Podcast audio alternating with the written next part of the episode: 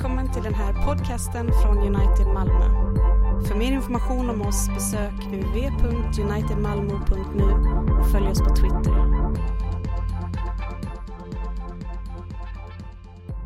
Låt oss förbli stående medan vi lyssnar på dagens predikotext ifrån Johannes evangeliet 14 och eh, vers 16 till 26.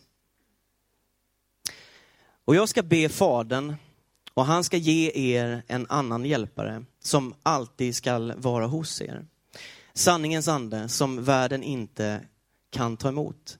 Ty världen ser honom inte och känner honom inte.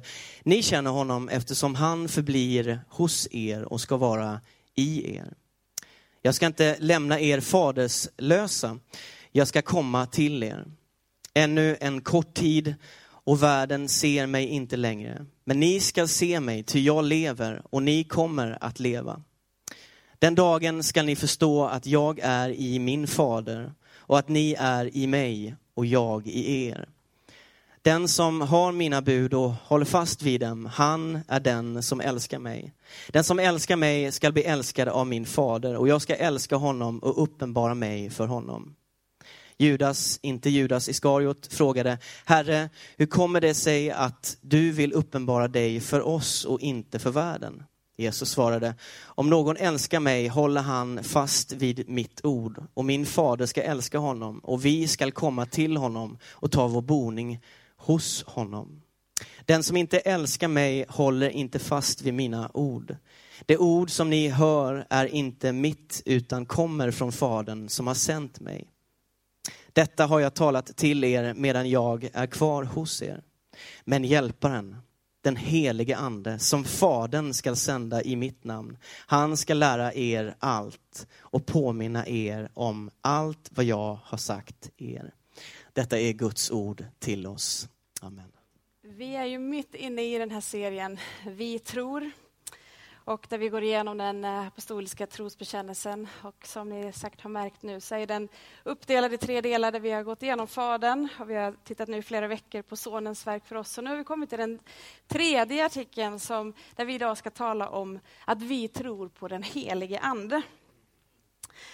Och eh, vi ser också hur den delen hör ihop med församlingen, hur det är det verk som är kvar, hur Anden håller på med sitt verk i oss som Guds folk. Och eh, jag vet inte vad du tänker på när du tänker på den helige Ande. Kanske det så här spritter till lite extra i någon så här pingsttarm idag, att nu ska vi tala om kraften och smörjelsen. Och jag, min bön inför idag är verkligen att vi ska få en, en bredare insikt om vem den helige Ande är. Och också en större tillit och tacksamhet till hans verk i våra liv. Vi ska titta lite på vem den helige Ande är, vad han gör och vad det betyder för oss när vi på söndagar och kanske annars i veckan bekänner just det att vi tror på den helige Ande. Vad betyder det för dig och mig i vår vardag att få leva tillsammans med den helige Ande? Och det finns ju väldigt mycket att dyka in i och vi hinner inte med allt, men jag hoppas att vi ska få röra vid det som är det mest centrala. Vi ska börja med att bara, bara konstatera att den heliga Ande är inte en kraft, utan det är en person. Det är liksom inte något så abstrakt som vi bara längtar efter som ska bara beröra oss, utan det är en person som möjliggör det kristna livet för oss som Guds folk. Och det faktum att den helige Ande är en person, det ser vi på många olika sätt i Bibeln. Och en av de olika sätten som vi ser det på, det är att Bibeln konstant använder ett personligt pronomen när de beskriver den, talar om honom och han. Vi, kan lä vi läste det i texten precis nu i vers 17 till exempel. Ty världen ser honom inte och känner honom inte. Ni känner honom eftersom han förblir hos er och ska vara i er. Han kallas just han eller honom och det är inte den eller det på det sättet. Men man kan också se det utifrån, när man börjar läsa och se hur den helige Ande beskrivs av vad det är han gör, så gör han också saker som man förknippar med en person. Du kan hem och läsa lite mer sen där du kan se att den helige Ande utforskar, den helige Ande undervisar och lär. Den helige Ande bor, den helige Ande ger liv, den helige Ande ropar, står det till och med. Den helige Ande leder oss. Och varför lyfter jag upp det här? Men det gör faktiskt en skillnad för dig och mig, hur vi tänker kring den heliga Ande, när vi söker den heliga Ande och när vi förstår att vi kan få bli uppfyllda av den heliga Ande, om vi bara söker någon slags kraft eller om vi förstår att det är en person och inte ens vilken person som helst, utan det är Gud som kommer till oss, som uppfyller oss, som vi kan söka, som är Gud med oss. Så den helige Ande är en person och det är Gud. Vi läste i vers 16 när Jesus säger så här inledande. Och jag ska be Fadern och han ska ge er en annan hjälpare som alltid ska vara hos er. Här sitter Jesus vid en av de sista måltiderna med lärjungarna innan han vet att han ska gå korsets väg. Han, han, han ska göra det som han nu har kommit för att göra. Och han har berättat för lärjungarna att jag ska lämna er nu. Jag menar, det måste kännas rätt så konstigt för dem att liksom, man har fått så mycket hopp med att han är där, fått uppleva allting som han har talat, allt han har gjort. Och, liksom, svårt att greppa riktigt vad det ska leda till. Ja, nu ska jag lämna er. Ja, men nu ska det ske. Liksom. Och då, då, de fattar ju inte, de har svårt att ta in det här. Men mitt i det så säger han, jag ska ge er en annan hjälpare vad betyder det? Jo, men han, han, han vet ju att de har fattat att jag är en hjälpare. Jesus är en hjälpare, så långt har de greppat. Liksom han, det här är någonting mer än någonting annat. Och han säger, jag ska sända nu en annan hjälpare, alltså en sån som jag. Den helige Ande är också Gud. Han säger i vers 18, jag ska inte lämna er faderlösa, jag ska komma till er. Nu kan man börja undra vad han menar här. Jag ska lämna er, jag ska komma till er. Och det här är bara just det som omfamnar treenighetens mysterium som vi har en hel predikan om i, i den andra delen som ni gärna får lyssna om ni inte fick med den. Men just att, att han bara vill betona att ja, jag lämnar er, men jag kommer också att vara med er genom den helige Ande. Det är liksom inte tre olika grejer utan det är en Gud, men i tre personer. Fadern sände sonen till världen Sonen utförde allt som var nödvändigt för vår frälsning, levde ett liv i fullkomlig lydnad och dog som ett felfritt offer för vår skull. Men vet du vad? Inget av detta berör eller liksom gagnar oss förrän det har blivit tillämpat till oss personligen. Tänk på allt det som Kristus fullbordade. Tänk på hur han kom, att han blev, lämnade gudomliga, blev människa och höll lagen, uppfyllde lagen för din och min skull. Blev det perfekta offret, besegrade döden, besegrade synden, besegrade ondskan. Han vann åt sitt folk den himmelska världens andliga Allt det liksom, han bara, det, det är färdigt och vi kan läsa om det. Yes, det, inget, det behövs inget mer. Men hur blir det fantastiska som Kristus har gjort och som är färdigt, hur blir det vårt? Hur går det från en allmän statement som vi kan liksom proklamera i historien till att det får en effekt på ditt och mitt liv? Att hans rättfärdighet blir vår, att, att det, liksom, det här saliga bytet får ske. Fadern och sonen sänder den helige ande till världen för att tillämpa frälsningen till oss. Vi läste i vers 23. Jesus svarade, om någon älskar mig håller han fast vid mitt ord och min fader ska älska honom och vi ska komma till honom och ta vår boning hos honom. Alltså liksom, vad blandas alltihop det här? Att jag ska inte längre vara med, jag ska sända en annan hjälpare, en sån som jag som också är Gud. Och Fadern och Sonen sänder och vi ska komma och vi ska ta vår boning ibland. Och det är inte bara någonting som hände, något historiskt, utan det är någonting som kommer er till del. Jag ska flytta in er, jag ska bo i er, jag ska verka, det här nya livet ska få ta sin plats i er. Det är den helige Andes verk för oss. Så låt oss titta lite på några konkreta saker utifrån det perspektivet. Vem är alltså den helige Ande och vad gör han för oss? Utifrån att vi ser att hela treenigheten är en verksam, aktiv del i det som är vår frälsning. Att få bli återförenade med vår far, att få våra synder förlåtna, att få del av det nya livet. Det första är just detta, att den helige Ande är livgivaren. Han är den som kommer med Guds liv till oss. Han är den som är hos oss, som är i oss. Bibeln talar om att i vårt syndiga tillstånd utan Gud så är vi andligt döda. Och det hjälper oss att stanna upp vid de texterna, att förstå hur det ligger till med mänskligheten i vårt tillstånd när vi har vänt oss bort ifrån Gud. För Bibeln beskriver inte det som att vi bara är lite skadade, som bara med lite hjälp, med lite pepp, med lite kraft från någonstans kan få ordning på våra liv. Nej, utifrån det som vi är skapade för, att leva i gemenskap med Gud, att finna vår djupaste tillfredsställelse i hans liv, i hans härlighet, i hans ära. Så säger Bibeln att andligt sett är vi döda. Och du vet skillnaden på om du möter någon kanske ute, som har varit någon olycka eller någonting och någon ligger lite skadad och kanske det ligger där och ropar hjälp, aj. Liksom. Men om det skulle vara något fruktansvärd situation och du skulle få möta någon som är död, ska han inte ens ropa hjälp. Så beskrivs vårt tillstånd. Och vad hjälper det då en död människa att Jesus har besegrat ondskan? Och liksom, hallå, hur ska jag ta det till mig? Fadern, skaparen, där kan du finna ditt liv. Finna liv? Jag är död. Jag, alltså, då säger Bibeln att att vi behöver bli gjorda levande för att få upp uppleva den kraften, det livet som Gud har gjort och som Gud gör genom sin ande. Vi läser, kan läsa om det i kapitel 2 i Efesierbrevet.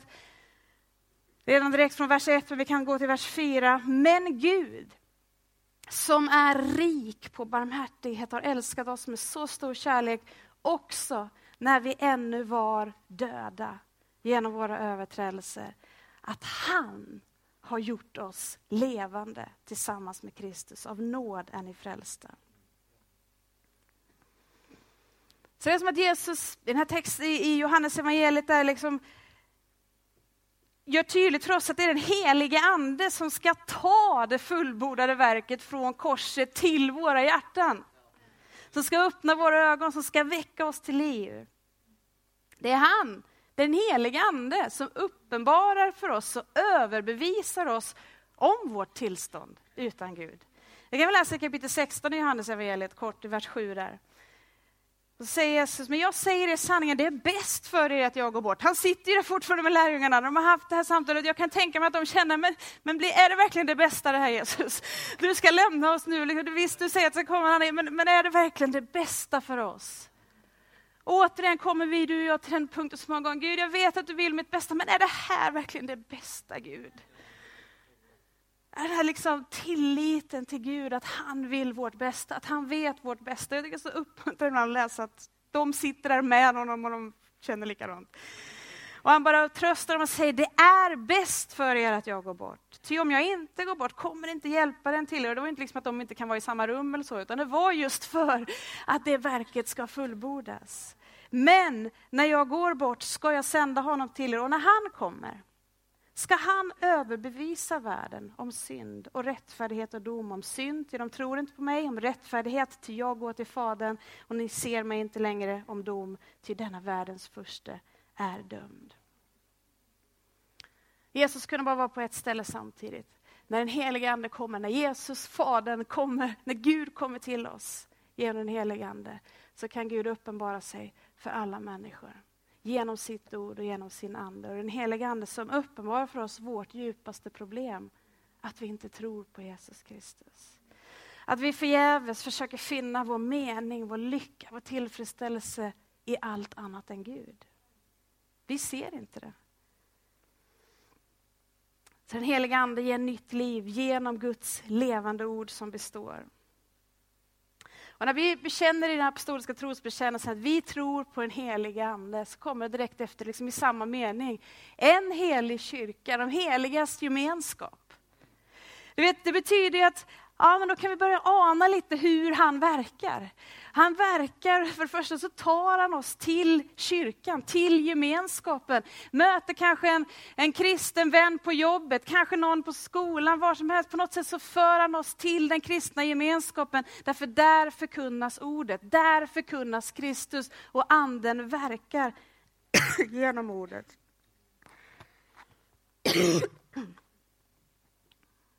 genom den helige Ande, så ger så genom evangeliet så ger den helige Ande mig insikt om att det är Jesus som är min frälsare. Jag får se att jag är en syndare som behöver denna förlåtelse, denna nåd. Och att det blir tydligt för mig att det där som har skett, det som redan har skett, det gäller ju mig. Det tar det från en händelse till mitt hjärta, att det öppnas. Mina synder är förlåtna. Jag har en frälsare i Jesus Kristus. Och när vi upplever en längtan efter Gud och efter den nåd som Gud ger, så är det ett verk av den helige Ande.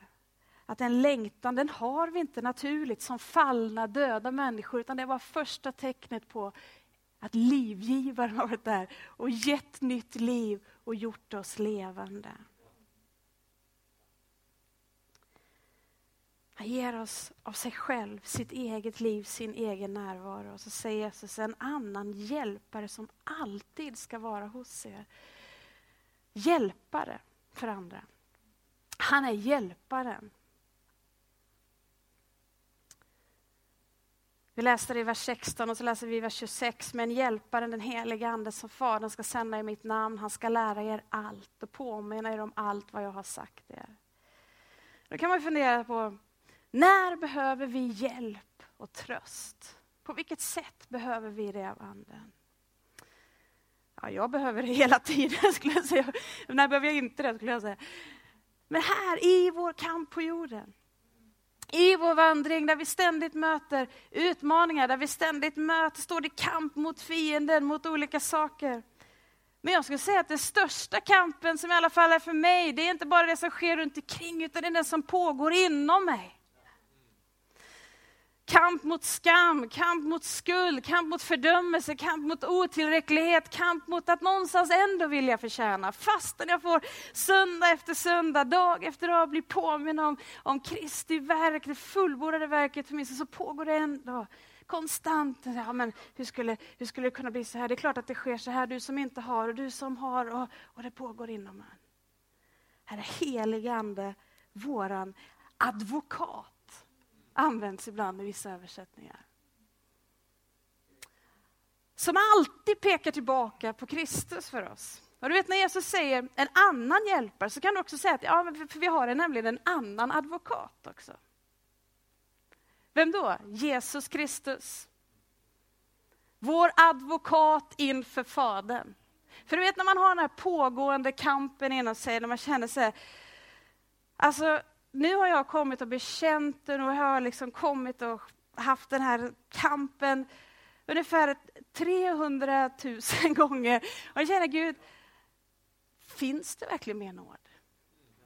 Alltså, kommer du inte någon gång ge upp på mig och bara säga, alltså, så har du haft din chans nu? Alltså det, kan man verkligen komma inför, inför Gud igen och bara säga, Gud, jag, jag får inte till det. Gud, jag, jag klarar inte att älska dig av hela mitt hjärta. Gud, jag litar inte på att du är nu, åh Gud. Och då kan man ju tänka sig, om Jesus är vår advokat inför Fadern, ska han då komma och be om nåd för Sara varje dag? Gud, ge, ge henne nåd idag igen. Så, nej, vet du hur en advokat jobbar? Den jobbar med lagen.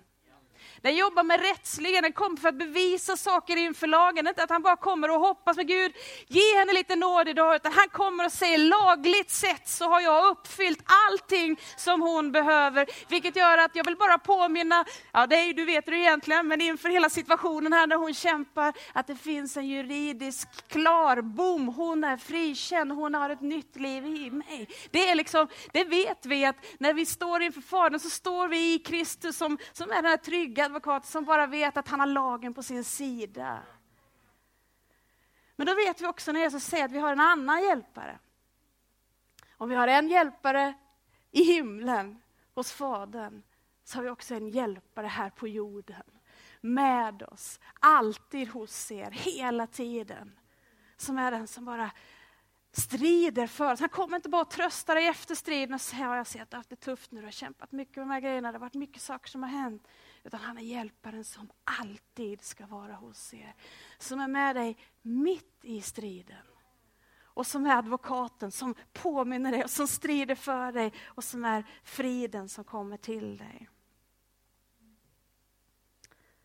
Så läste vi att han, han påminner oss om Kristus, påminner oss om allt som han har sagt. Det är den helige Andes verk för oss. Att han är hjälparen, att han är tröstaren, att han är advokaten som är här mitt i kampen för att påminna oss om Kristus. På vilket sätt är han främst våra hjälpare i det då? Att göra det med oss som Gud har tänkt, nämligen att förvandla oss och resa upp oss till ett nytt folk, till Guds eget folk. Och därför är han för det tredje helgaren. Det är han som är helgaren. Det är han som mer än du och jag värnar om att med sitt folk få rena sitt folk, få resa upp sitt folk till ett nytt annorlunda folk som är drivna, uppfyllda av en annan iver än det som präglas av på den här jorden. Har du tänkt på varför han kallas den helige ande? Det finns ju många olika andar beskrivna i Bibeln. Det finns bara en ande som är Guds ande och det är den helige ande. Men det uttrycket är också lite benämning på hans uppdrag faktiskt. Att göra sitt folk heligt. Han är den helige ande som kommer med Guds helighet till oss för att uppfylla oss med Gud, för att göra oss heliga och helga oss. Det är den heliga Ande som arbetar i oss och skapar förutsättningar för att forma oss till Kristuslikhet och helighet. För det kan kännas lite mission impossible när vi själva ska se upp till, liksom, se det nya livet. För Gud frälser oss inte bara från någonting, utan han frälser oss också till någonting. Till någonting nytt. Men ibland kan vi känna liksom, ja men jag har fått kraft att säga nej till det jag inte tidigare kunde säga nej till. Ja, men Gud vill också ge oss kraft att säga ja till det vi tidigare inte kunde säga ja till. Och det är den helige Andes verk i oss. Att han öppnar för oss en ny värld, ett annorlunda rike som är präglat av Guds ande, Guds standard. Och det livet får börja leva i oss. Vi kan läsa i Titus 2 och vers 11. Ty Guds ande, nej, ty Guds nåd har uppenbarats till frälsning för alla människor. Den fostrar oss att säga nej till ogudaktighet och världsliga begär och att leva anständigt, rättfärdigt och gudfrukt i den tid som nu är. Medan vi väntar på det saliga hoppet. Att vår store Gud och frälsare Jesus Kristus ska träda fram i härlighet. Han har offrat sig själv för oss för att friköpa oss från all laglöshet och rena åt sig ett egendomsfolk som är uppfyllt av iver att göra goda gärningar. Frälsningen är Guds verk från början till slut. Han har planerat det, han har genomfört det, men också han, Gud, som renar oss till det folket. Det finns en vila i detta. Det finns en vila i detta när vi börjar få förstå att vi kan få släppa en del av den här kampen som vi bär på. Vi bär på den i familjen, kanske på jobbet, som vän. Vi vill leva upp till vår egen standard, vi sätter upp till hur man tycker att man borde vara som mamma och man känner, åh, det räcker inte riktigt till, åh, nu skrek jag igen, och varför får jag inte, åh, jag skulle levererat mer här, jag skulle gjort det här. Och så tar vi med oss det in i livets kärna av livet tillsammans med Gud. Gud, vem är jag? Gud, alltså, jag har så svårt att vara fri, med det svårt att läsa ditt ord, det svårt att stilla mig. Alltså, det känns hopplöst Gud, och du kallar mig till att få, få tag på så mycket mer. Vad känner Gud? Och så försöker vi göra det. Vi försöker få till det. Vi liksom springer bort ifrån honom. Vi springer inte till honom för att hämta livet där, utan vi springer bort och säger Gud, jag kommer snart, jag ska bara öva lite till. Alltså jag ska bara kämpa på lite till för att få ordning Ja, och du undrar, ja, så där, den där heligheten, den har inte jag, men jag ska kämpa lite till och så drar vi oss undan och så skäms vi och så vill vi knappt komma till kyrkan och vi vill inte bekänna för någon våra verkliga kamper, för de är, åh! Och så fattar vi inte att vi är ju människor allihopa och Gud har ju skapat oss som människor och Gud har bestämt att hans ande, hans liv ska få komma mitt in i vår brutenhet. Vi behöver inte skämmas. Vi behöver inte bära den kampen själv. Gud själv har kommit till vår jord för att vara bland oss, för att vara i oss. Och då kan vi få vila i som Paulus uttrycker i Filipperbrevet, att han fått en övertygelse till evangeliet. Han har fått en övertygelse om att Evangeliet är inte bara någonting som har fört honom in i den kristna tron, att jag har blivit förlåten. Utan man märker i Paulus brev hur det präglar allting, att evangeliet, Kristi verk är ju nog hela vägen. Och han har bara fått förstå att han säger, jag har en övertygelse om att han som har börjat ett gott verk i mig, också ska fullborda det in till Kristi Jesu dag. Du vet i skolan, när man gick, när man gick på framförallt kanske lågstadiet och sådär, och så på rasterna, lite små fighter och, och läraren kom förbi. Liksom, vad händer här? Då var det ofta ganska snabbt. Liksom. Det, var, det var inte jag, det var han som började. Alltså det är standard, liksom. man vill aldrig komma i, så här. Det märker jag bara på mina barn, det har inte bara med fröken att göra. Utan det, och tänk då liksom när vi kämpar lite med vad är det som har hänt i mig och inte. Vi kan bara veta vem är det som har börjat det här verket. Det är snabbt att bara säga det var han som började. Det, det, det vet jag med sanning. Jag var död i mina överträdelser. Jag kunde inte se vem han var, hans verk. Det var han som började. Och då vill Gud ge oss en övertygelse om det miraklet kunde ske. Att Gud kunde väcka upp oss till ett nytt liv, till ett gudomligt liv, till att få del av hans liv. Hur mycket mer ska han inte då bevara oss hela vägen? Därför att det är hans idé och hela grejen. Att vi bara kan få släppa skulden lite och vila i att fullbordade in till Kristi Jesu dag. Därför att Gud säger att i samma brev där i Filipperbrevet att ni ska arbeta på er frälsning. Ni ska helga er. Ni ska vara med och göra någonting med det som jag trycker på era liv. Men det är inte ert verk utan till och med er vilja och era gärningar, det, det kommer ifrån att han är den som verkar i er, både vilja och gärning, så att hans goda vilja ska ske. Tänk om vi bara kunde få lite, bit för bit, sluta springa bort. För det enda vi behöver göra egentligen, det är att ta emot. Vi behöver inte få till det, vi behöver inte skämmas, vi behöver förstå att den heliga Ande bor i oss. Och när vi börjar förstå att det inte bara är en allmän kraft, det är inte bara något sånt här, utan det är en person. Då börjar man också förstå att du vet, när du har människor omkring dig, när du är hemma själv så ibland, då kanske du bara ja.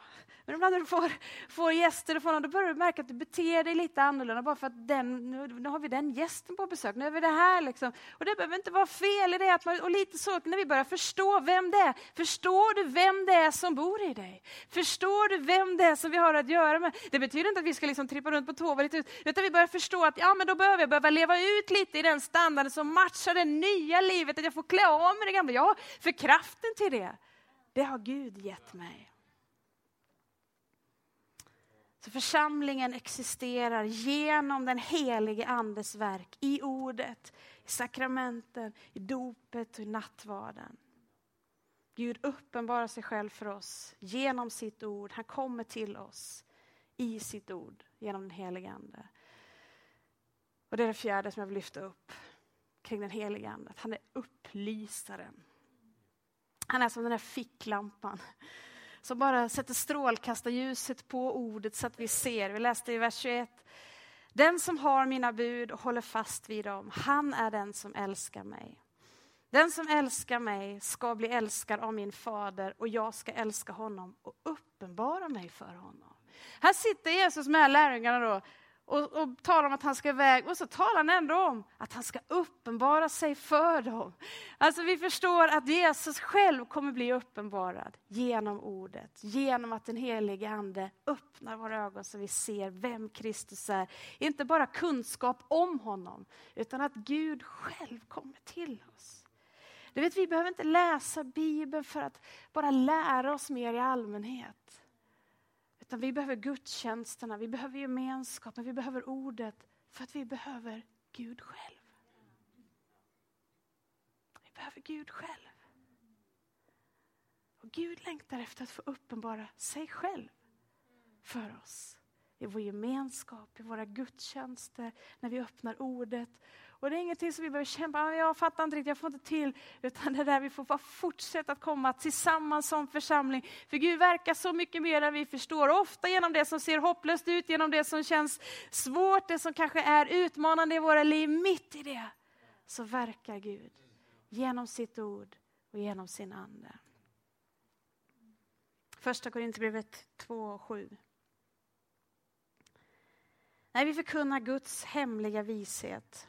Den vishet som är fördold och som Gud från evighet har bestämt att bli till härlighet för oss. Denna vishet har ingen av den här världens härskare känt. Om de hade känt den skulle de inte ha korsfäst härlighetens Herre. Men vi känner som skriften säger, vad ögat inte har sett och örat inte hört och människohjärtat inte kunnat ana, vad Gud har berett åt dem som älskar honom. Ty för oss har Gud uppenbarat det genom sin ande. Anden utforskar allt, också djupen i Gud. Kan du tänka dig, kan vi snacka hjälpare som utforskar Gud åt oss? Har det varit någon gång när man kanske får upptäcka till exempel en ny stad eller någonting, man kommer dit, jag vet, jag har ju hört så mycket om New York och jag hade liksom tänkt att det skulle vara så spännande att få komma dit någon gång. Och så för ett par år sedan så stannade vi till där på vägen hem från andra resa och skulle få 24 timmar i New York och folk sa bara, bara 24 timmar New York första gången, alltså kom igen. Kom igen. Och jag kände väl lite så här hjälplös, bara, men var ska man börja? Så mycket, man har hört så mycket, man vill uppleva så mycket, vi har 24 timmar på oss liksom. Jag var så glad att jag kunde få vara där med några vänner som kan den här stan. Några som har varit där och hälsat på många gånger och en tjej som bor där. Och på de här timmarna kan jag säga att jag kände att jag bara fick se allt. Det är klart jag inte fick. Men jag bara kände att jag fick en sån rik upplevelse för att någon annan som kände till rikedomarna tog med mig ut, både i vimlet och nattlivet och gatan och var man ska gå, vad man ska se. Och jag bara kände, oh, jag har fått en taste. Jag har absolut inte kunnat greppa fullheten av det här, men jag har fått en taste av något som jag förmodligen inte hade fått alls om inte någon hade hjälpt mig. För ungefär förra sommaren så, så köpte vi ett hus och vi skulle liksom tapetsera lite nya lite rum och måla om lite och sådär. Vi var så glada för vårt hus och vi såg fram emot att få, få det omtapetserat och målat. Vi såg inte fram emot själva processen. Och en del går ju igång på det här liksom med att liksom fixa och grejer. Det, det, ja, ja. Inte jag och inte så mycket Patrik heller. Eh, och, och, jag ska vara helt ärlig så går det inte så jättemycket igång ens på det här med att välja, för det, liksom, det är så sällan jag gör det här. Liksom, så det är inte min så här, intressesida. Liksom. Så jag kände det här, tapeter, hur ofta väljer man det? Det känns som en hel djungel. Liksom, att bara gå in. Så ringde min vän Helene som har som, som, lever i den här världen, som älskar den, hennes stora passion att få både jobba med detta och leva med detta. Och, och så, så, gav hon mig några så här checkfrågor tillbaka. Ja, vilka designer tycker du om? Tycker du om den här designen? Designers? Kan, kan vi börja med färger? vad, vad vill jag ha för färg? Och hon bara, okej, okay, jag börjar greppa var du befinner dig. Här. Kan, kan vi göra så här att jag utforskar lite rikedomar i det här åt dig och så möts vi på, på det, det stället. Så kommer jag dit till ett sånt här, jag vet knappt vad det heter, en affär där de har många tapeter. Och så kommer jag dit och så har min kära vän Helene letat upp massa olika förslag och bara lagt upp. Tänker du ungefär så här? För i så fall passar de här, de här tygerna till. Tänker du ungefär så här? Börja med att välja ut tre av de här åtta. Okej, okay, vi börjar här. Och jag bara kände tack att jag får komma till någon som, som kan de här rikedomarna, som kan ta med mig in i det. Kanske du känner så när, när vi börjar tala om Gud, om Bibeln och designers och uttryck och, och, och liksom bekännelse. Kan vi börja med färger? Vi, hur många är de? Vem är han? Gud har gjort det så för oss att det är inte ens vi som behöver ta reda på saker, utan Gud vill själv ta med oss in i rikedomen av sig själv, så han har gett oss sig själv. Den helige Ande tar oss in i djupen i Gud och utforskar allt åt oss och säger bara vila i mig. Och jag vet hur svårt det är när man bara hör det. Ja, jo, men det är ungefär som man ska sova och inte kan sova på natten. Men sov bara, slappna av. Jo.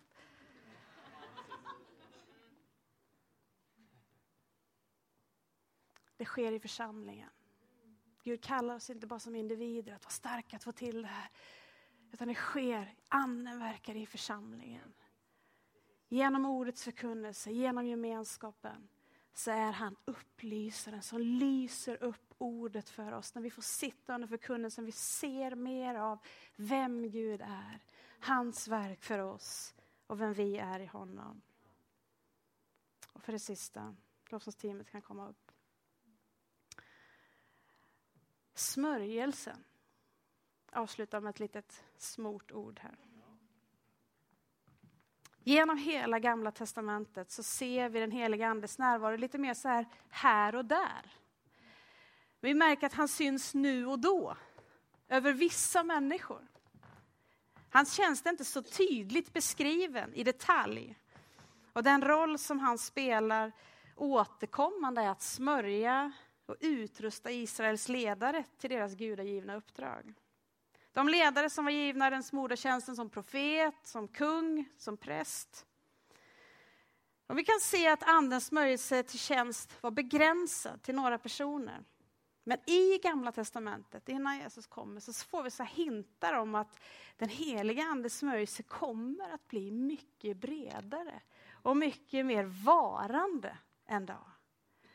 Vi får sådana här löften liksom att det ska ske därefter, att jag ska utgjuta min ande över allt kött. Över allt mitt folk ska jag ta min boning ibland. Så den heliga Andes utrustande till tjänst kommer inte vara begränsat till några individer, till en liten grupp människor, utan varje gemenskap med Gud ska få den gåvan. Till allt Guds folk ska Guds ande komma. Och på pingstdagen så blev detta en historisk verklighet. När Gud tar av den ande som var över Jesus, vet Jesus Messias, det betyder den smorde. Den ande som var över Jesus kommer han som är medlaren av det nya förbundet och fördelar honom, inte bara över de 70, utan över alla troende. Jesus hade själv sagt precis innan han lämnade i Apostlagärningarna 1 och 8, men när den heliga ande kommer över er ska ni få kraft och bli mina vittnen i Jerusalem, hela Judeen och Samarien och ända till jordens yttersta gräns. Anden ger liv över alla människor, ger gåvor till församlingen, till olika människor att få vara med i den tjänst som Gud har. Men det gäller alla. Vi kan lätt ibland liksom sätta oss själva i olika fack och olika sidor, men vi har fått den heliga Ande som gåva. Och vi är alla kallade till uppdraget att vara med och vittna om honom, vara med och vittna om Jesus och de goda nyheterna till alla folk, till jordens yttersta gräns. Och det kan ju låta lite utmanande, för då kommer vi tillbaka direkt till så här, ja men jag är inte så andlig, jag är inte sån, jag får inte till det här. Det är här som hela Andens verk på nytt kommer in. Det Gud kallar oss till är det också han som förser för oss genom sitt evangelium och genom sin ande. Han kallar, han utför och han applicerar det i våra liv genom den helige Ande. Det är vår tillit, vårt hopp, vår tröst. Den helige Ande avslutningsvis, ger alltså liv. Guds liv till oss. Han är med oss alltid. Han hjälper oss, han tröstar oss. Han är vår advokat här på jorden, med dig hela tiden för att påminna dig om sanningen. Påminna dig om Kristus. Han lämnar oss inte åt oss själva, utan han är den som helgar oss, som renar oss, som förvandlar oss, som gör oss mer och mer lika Kristus i församlingen, genom ordet, genom gemenskapen. Han uppenbarar Gud för oss i skriften och tar oss till rikedomarna av Gud som vi inte ens vet finns. Så vi får upptäcka genom Guds ord och får lära känna Gud mer och mer. Vi tror på den helige Ande, en hjälpare alltid ska vara hos oss.